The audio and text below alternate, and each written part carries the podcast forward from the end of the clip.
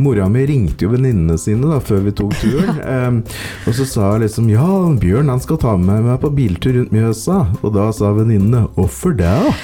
Bibliotekets litteraturpris 2023 ble delt ut på åpningsdagen av litteraturfestivalen Kapittel i Stavanger.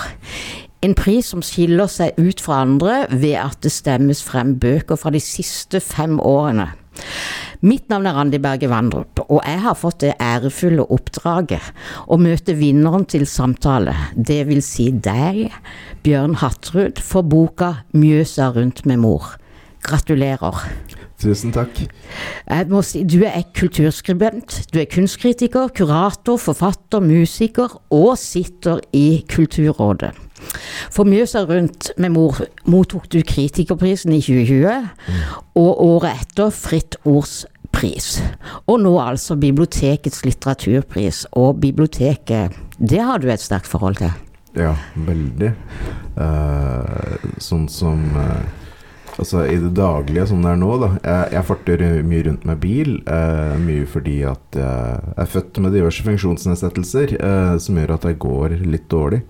Og det skal vi komme eh, tilbake til. Det kommer vi nok tilbake til, ja. Mm. Eh, men um, bør forklare litt hvorfor jeg sitter så mye bak rattet. Mm. Um, og når jeg kjører bil, og hvis jeg passerer et bibliotek jeg ikke har vært før, så, og det er åpent, så går jeg alltid inn.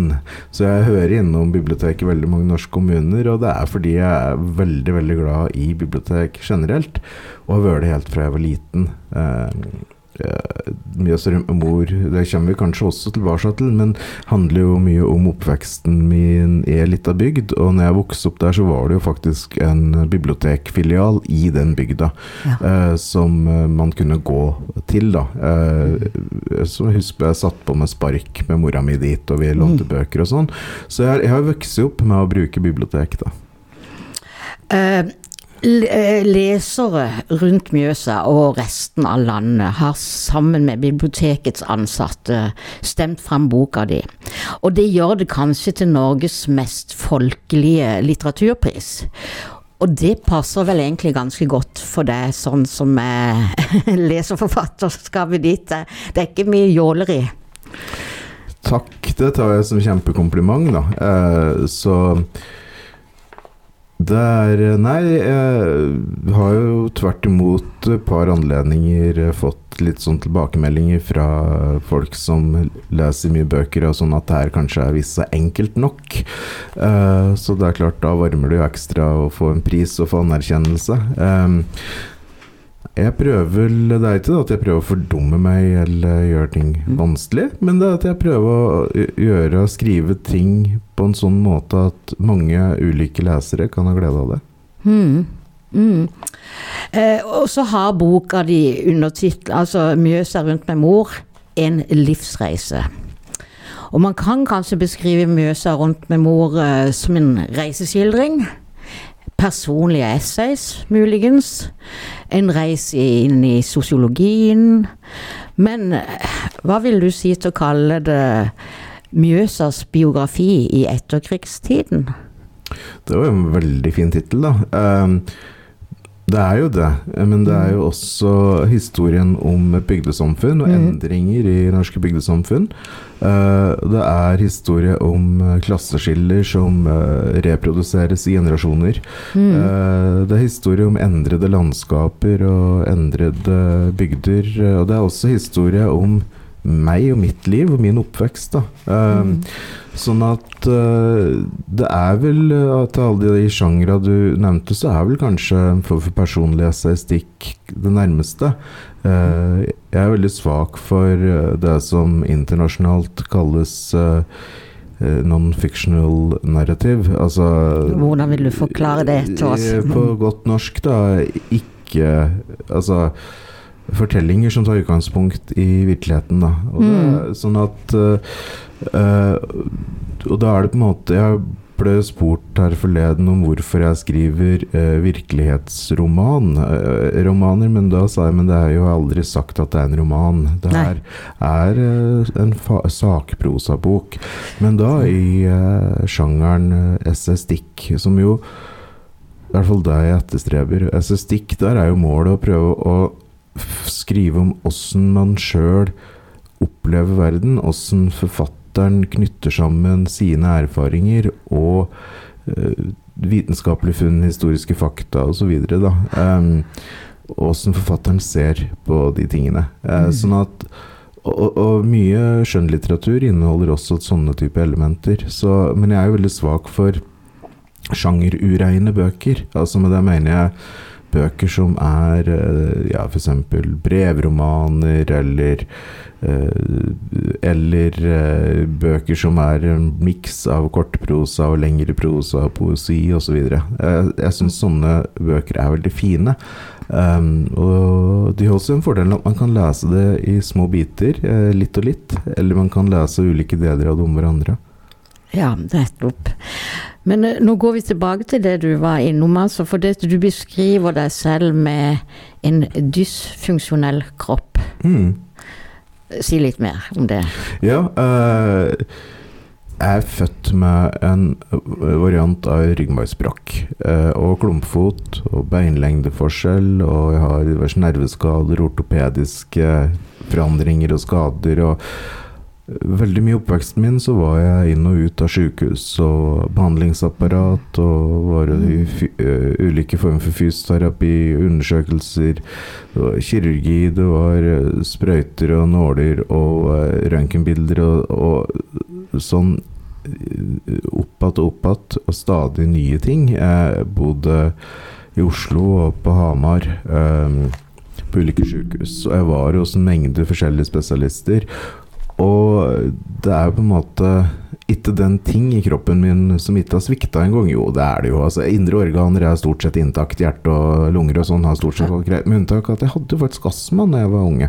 Ja, Det er veldig mye ved meg som uh, helsemessig da, som det har gått galt med en eller annen gang.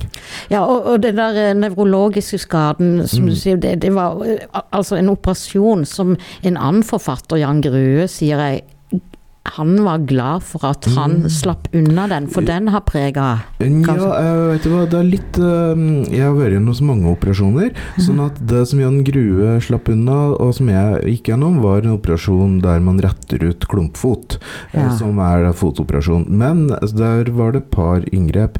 Men uh, den type kirurgi som jeg har hatt i ryggen, har nok aldri Jan Grue vært i fare for å få. Mm. Jeg har en ryggmarg som sitter fast nederst i ryggsøyla. Ryggmargen skal normalt bevege seg fritt opp og ned mm. i et uh, friskt menneske. Og den skal da bevege seg fritt opp og ned i spinalvæske og kose seg der, inne i ryggsøyla. Men hos meg da så sitter den fast nederst. Og det gjorde den da jeg var unge, og den ble løsna da jeg var barn. Og seinere, da jeg var i slutten av tenåra, ja, så grodde den fast igjen. Eller da jeg var midt i tenåra.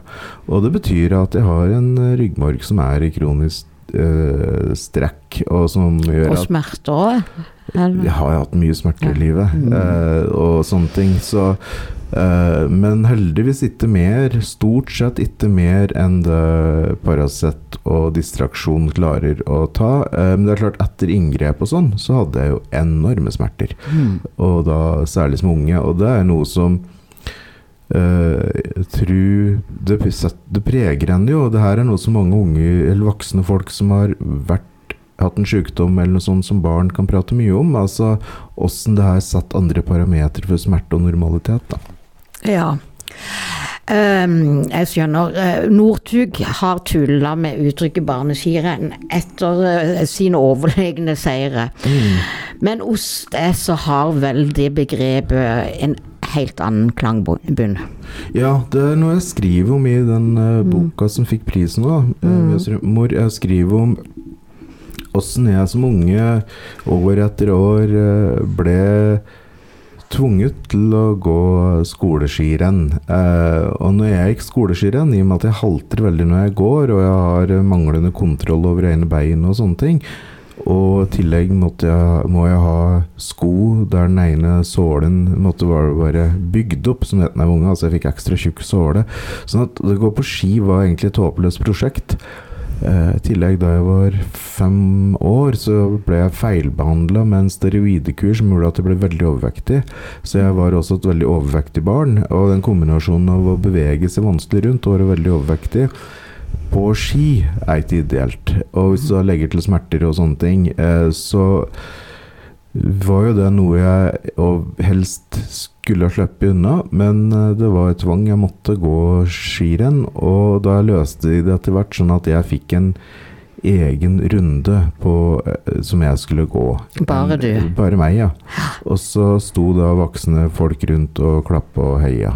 Ja, Og så du jeg- fikk egne premier da? ja, da var jo jeg vinneren da, den kleine klassa for én person. Og eh, det var eh, Jeg hadde jo, tør jeg påstå, andre egenskaper og evner enn å gå på ski, som de kanskje kunne latt meg få lov til å benytte den dagen. Men det her er på en måte noe av ulempen med um, Hva skal jeg si?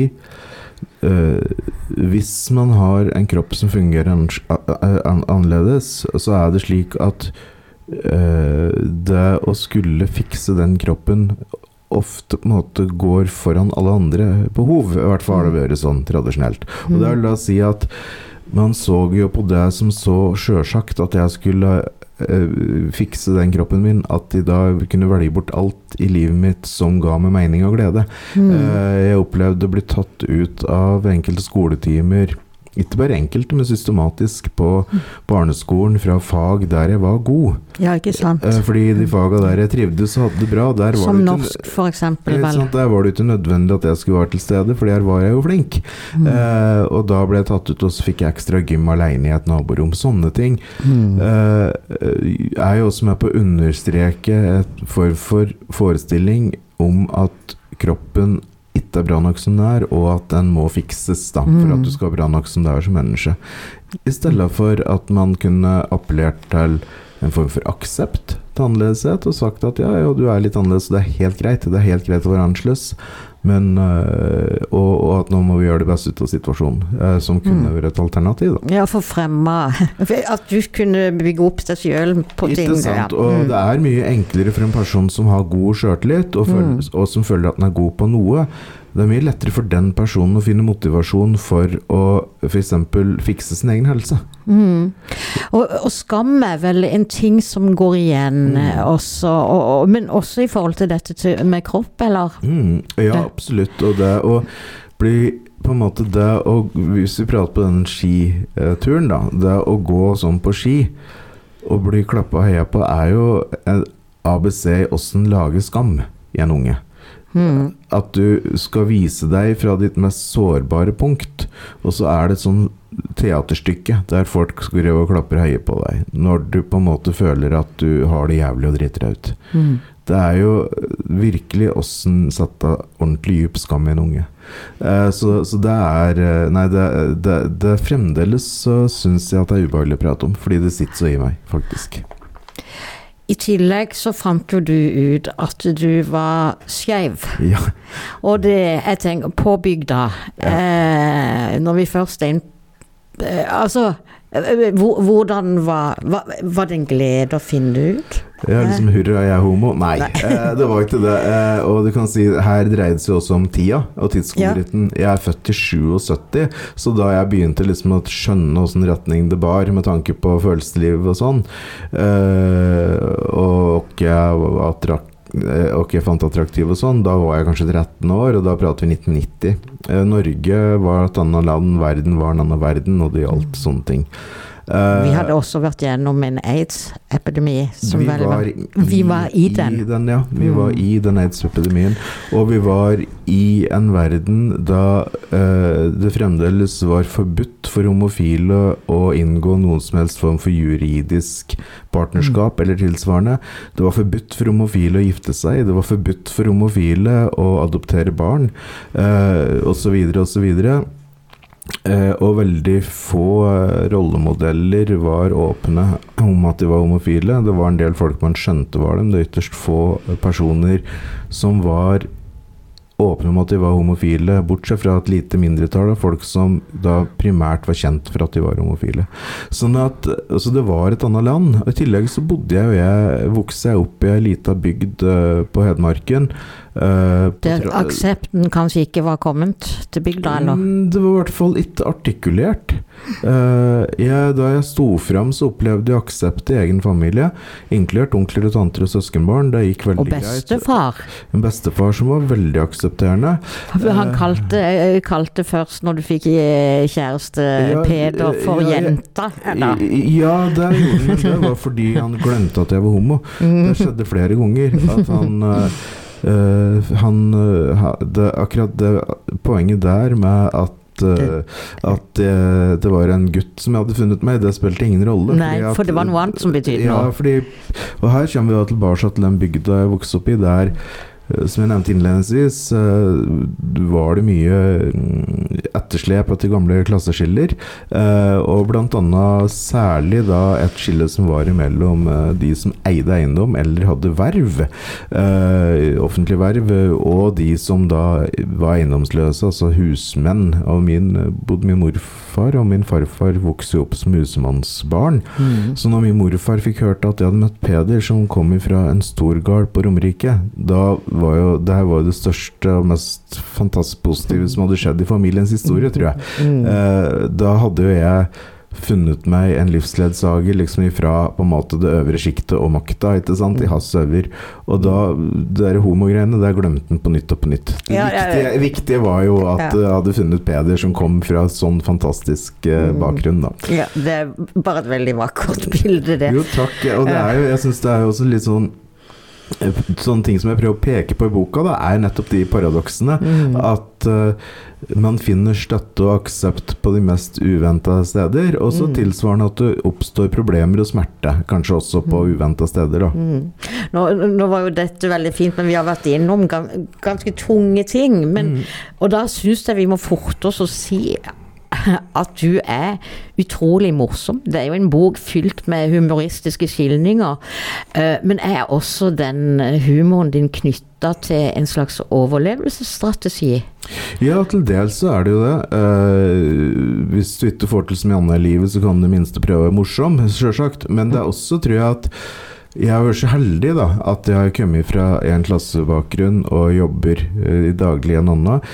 En, eh, jeg har funksjonsnedsettelser, men er i en verden med folk uten funksjonsnedsettelser. Jeg er homo i en verden der folk stort sett er heterofile, osv. Og, og det gjør at man får evnen, eller muligheten da, til å kunne se veldig mange ting fra ulike vinkler.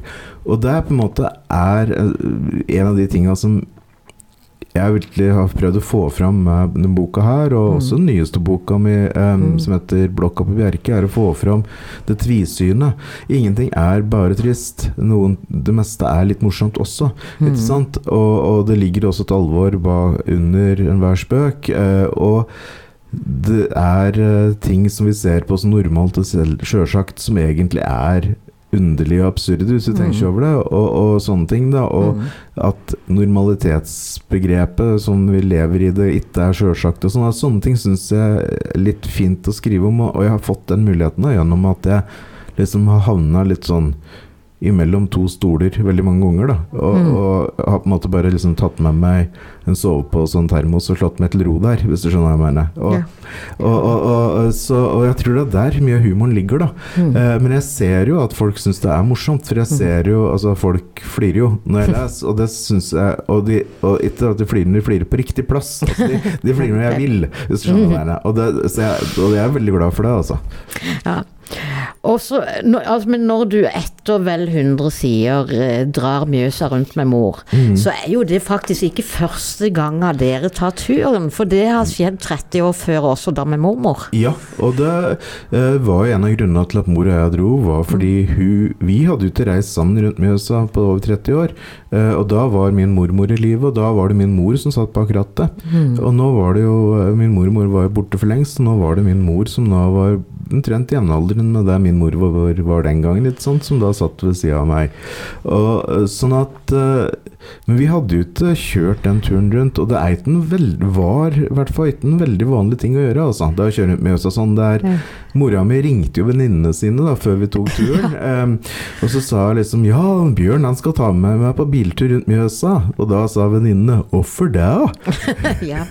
ja, det er nettopp det. det. Man har det nært, men man benytter seg ikke av det som Nei, en sånn det er, jo, det er jo det som er greia. Og du kan si som reiseguide, eh, så er, den jo, er det jo en litt tvilsom eh, bok, for jeg hopper jo over, elegant over et tettsted på Totensida, Mm. og flere som har sagt det at uh, turen imellom Stange og Gjøvik går veldig fort. Eh, sånn at og, eh, Jeg, jeg regner med disse kritikerne kanskje holder til ja, i området. De, de gjør det. De gjør det. Ja. Og det er jo Men, men det er eh, mye av boka og æsj foregår Og mye av turen foregår i Ringsaker kommune, som er der jeg vokste opp. Ja. Men til mitt forsvar så er jo Ringsaker en veldig stor kommune, som Mm. er eh, Jeg vet ikke den er, den er noen mil lang, og det er vel en av de kommunene i Norge som har mest kilometer med vei også. Så, så jeg har et forsvar, da. Eh, men sånn tradisjonell reiseguide er den kanskje heller dårlig, synes jeg. Men jeg har faktisk opplevd å få meldinger og bilder flere ganger fra folk som da har reist rundt Mjøsa pga. boka mi. Ja, Ah, det er jo fantastisk. Det er morsomt. Det er veldig morsomt. Um, og så skaper jo boka en veldig nærhet til menneskelige faktorer i etterkrigstida. Altså med, har levd liv i flukten av Mjøsa, da, med hardt arbeid, sykdom, penger, eller vi bør vel si mangel på, det, Mm. på penger og nød. Også der møter vi vel skammen. Ja, eh, man gjør jo det. Og det her, da berører vi jo litt grann av de uh, mekanikkene som Eller de greiene som uh, Prøysen var veldig opptatt av. Da, eh, som går på det med at uh, folk som har det vanskelig eller er langt nede sosialt, ender ofte opp med å prøve å holde hverandre nede. Eh, ikke sant? Hvis vi da tenker Tross i taklampa, eh, som er en bok som tar for seg nettopp det der. Og også det med men samtidig så er det også det skammen over å være aller nederst. Altså på en måte å være av de som er i nederste, nederste samfunnet, men som så i tillegg f.eks. Uh, sliter med rus eller faller utafor og sånn. ikke sant? Så det med klasse og skam eh, er, det er et veldig spennende tema. Og uh, jeg skriver jo også en del om det med tanker rundt det å eh, begå, begå en klassereise, og det å også flytte på seg. Eh, det å flytte fra en plass til en annen, og åssen det kan eh, gjøre at man begynner å gruble og, og sånne ting. Da. Ja, for dette, da har vi jo din egen klassereise, eh, Mm. ikke sant? Altså, for du begynte på Blindern, og det fører oss videre til din kritiker din, eh, også din kritikerroste eh, bok. For mens Mjøsa rundt med mor er en, er en reiseskildring, eller personlig reisereis, er denne forankra i et fast punkt, nemlig, som tittelen sier, Blokka på Bjerke. Mm. Ja, altså din klassereise flytter til Oslo, riktignok først til Grünerløkka, da, men, men hvor befinner vi oss her i blokka på Bjerke? Nei, altså Vi er i et område i Groruddalen i Oslo eh, som er eh, Hvis man kjører ut fra Oslo, rv. 4 som går i retning Gjøvik, så når vi kommer på toppen på kuren, der ligger eh, Bjerke travbane. Og det er noen høyblokker som er Bjerke travbane. Og jeg bodde i en av de i 13 år. Og det var 13 år der det skjedde veldig mye i livet mitt. Der jeg gikk ifra å være veldig fattig en Mm. periode, og også uføretrygdet i en periode da det fremdeles var veldig, veldig risikabelt å tjene penger ved siden av uføretrygd. Men kan vi også si at denne uføretrygda har vært med på å hjelpe deg med denne klassereisa, for oh, det ja, ga ja, deg vel Ja. Det her er jo eh, paradokset, eh, som er at uføretrygden Og det skriver jeg mye om i den første boka mi, mm. som heter 'Mot normalt', som kom før eh, 'Mjøs med mor'.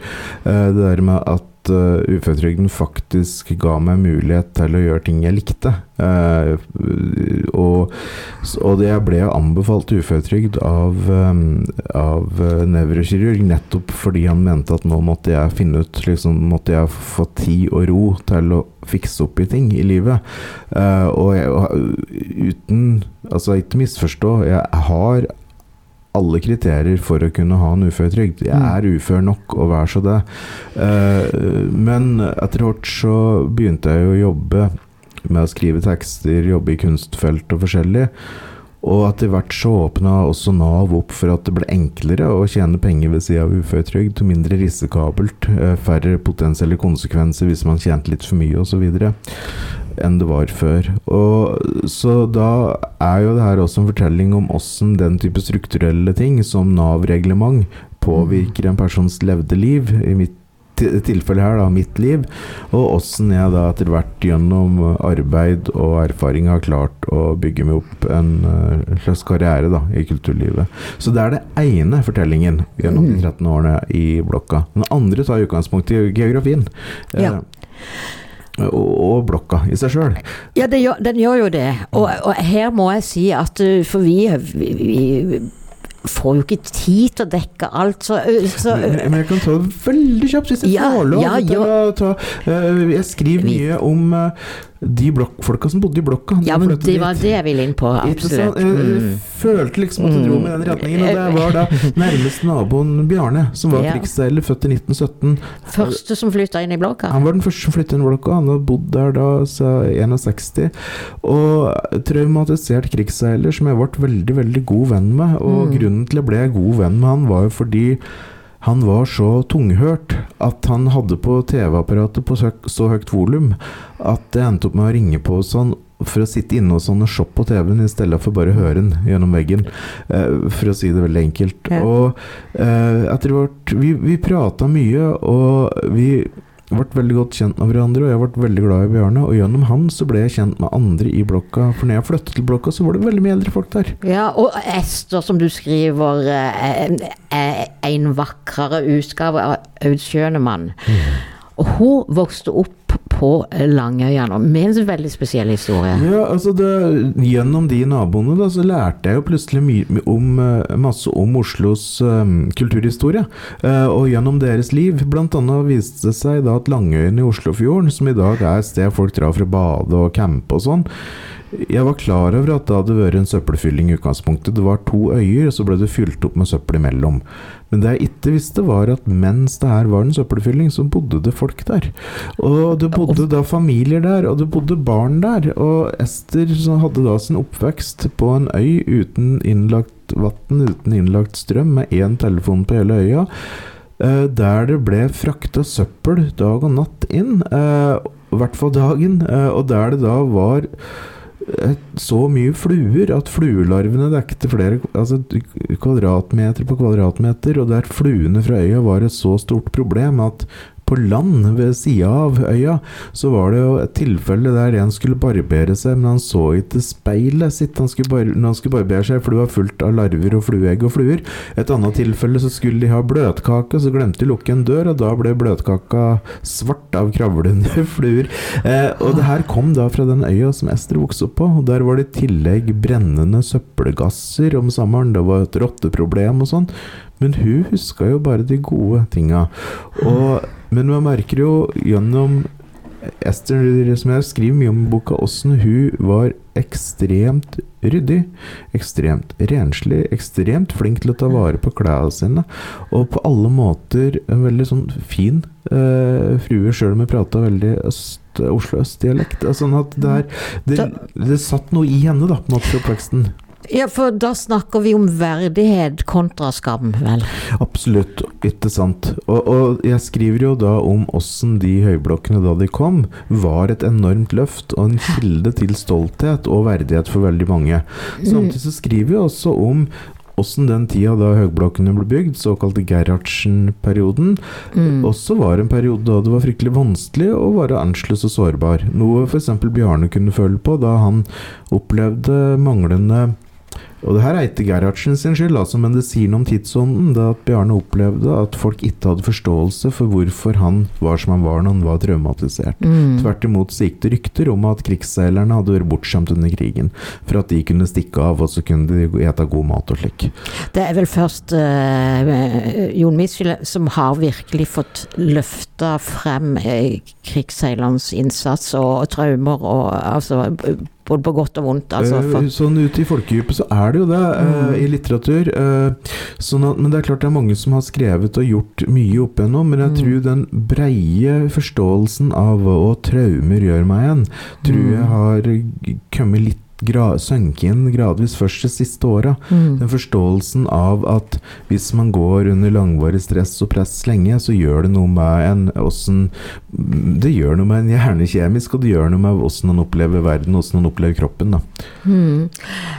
Undertittelen eh, 13 år i 30 etasje. Mm. Eh, eh, Og du måtte flytte, men det var jo ikke fordi du ønska å dra Nei. videre. Det var ikke det, altså. Men uh, samboeren øh, Nå samboer, da, Peder Pe vi er, Han har bodd litt forskjellige steder og sånn, men han sa at Bjørn hvis det, Vi hadde jo tenkt å flytte sammen og kjøpe noe stort, eller større enn vi hadde, leilighet. Og da ville jeg bo i samme blokka. Det var jo planen. Jeg skulle bare bruke heisa og flytte meg. Det hadde jeg sagt i flere år. Men så var det det at jeg kjører den bilen som jeg nevnte i stad.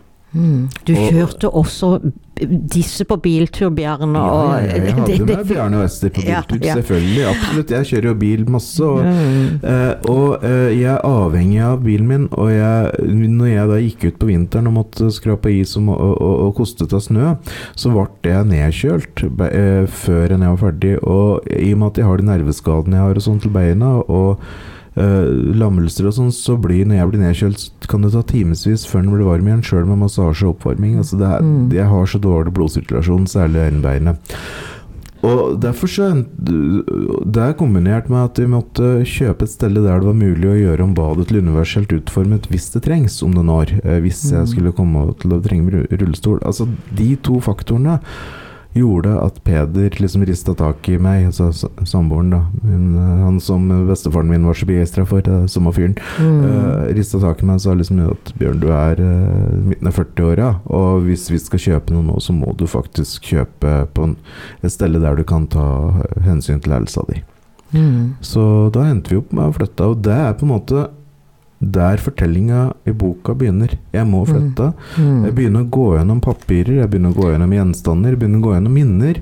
Og så begynner jeg å tenke Å, er det de åra- har gjort med meg? Og hva er det som har skjedd i nabolaget i de åra? Fordi det har jo endra seg veldig på Bjerke Mm. de åra.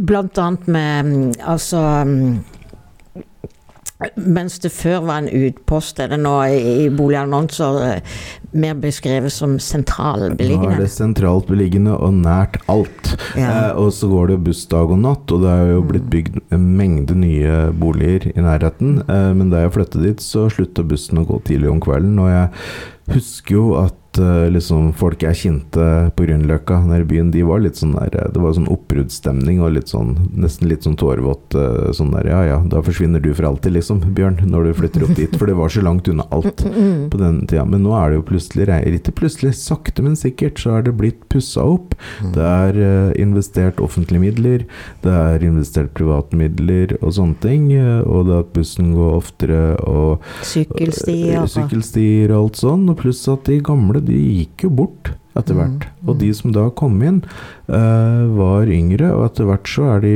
yngre blitt uh, it, hva skal jeg si, De som flytter inn nå, er ikke lenger så langt ned på den sosiale rangstigen som Mm. det de som Mm. flytta inn der for 13-14 år siden var. For da var Bjerke kjent som et sted for de gamle og trygda. Ja, og dette er jo eh, blokkas historie, det er sosiologisk historien, og eh, dette anbefaler vi bare rett og slett at dere leser. Men jeg må spørre deg, for du, dere flytta til Tveit da vel? Mm. Har du funnet deg ei god skrivestue der?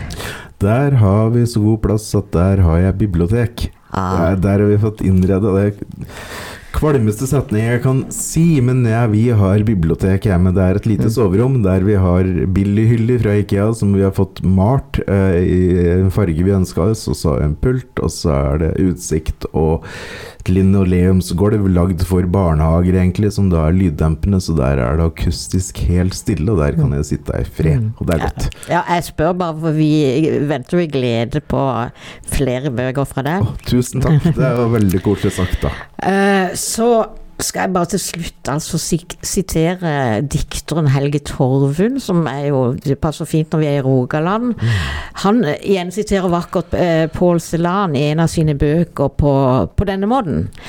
Eit dikt kan være som en flaskepost, kasta ut i den trua at det en stad, en gang, kan vaskast opp på land. Og så finnast, lesast, og kanskje til og med forståast. Ja, jeg tenker at Mjøsa rundt med mor er en slik bok som bringer fram Mjøsa for leseren, kulturen, folkene for leseren. Igjen gratulerer så mye med prisen, og tusen takk for at du ville snakke med meg. Ja. Nå ble jeg faktisk ekte oppriktig rørt. Tusen hjertelig takk for at jeg fikk komme.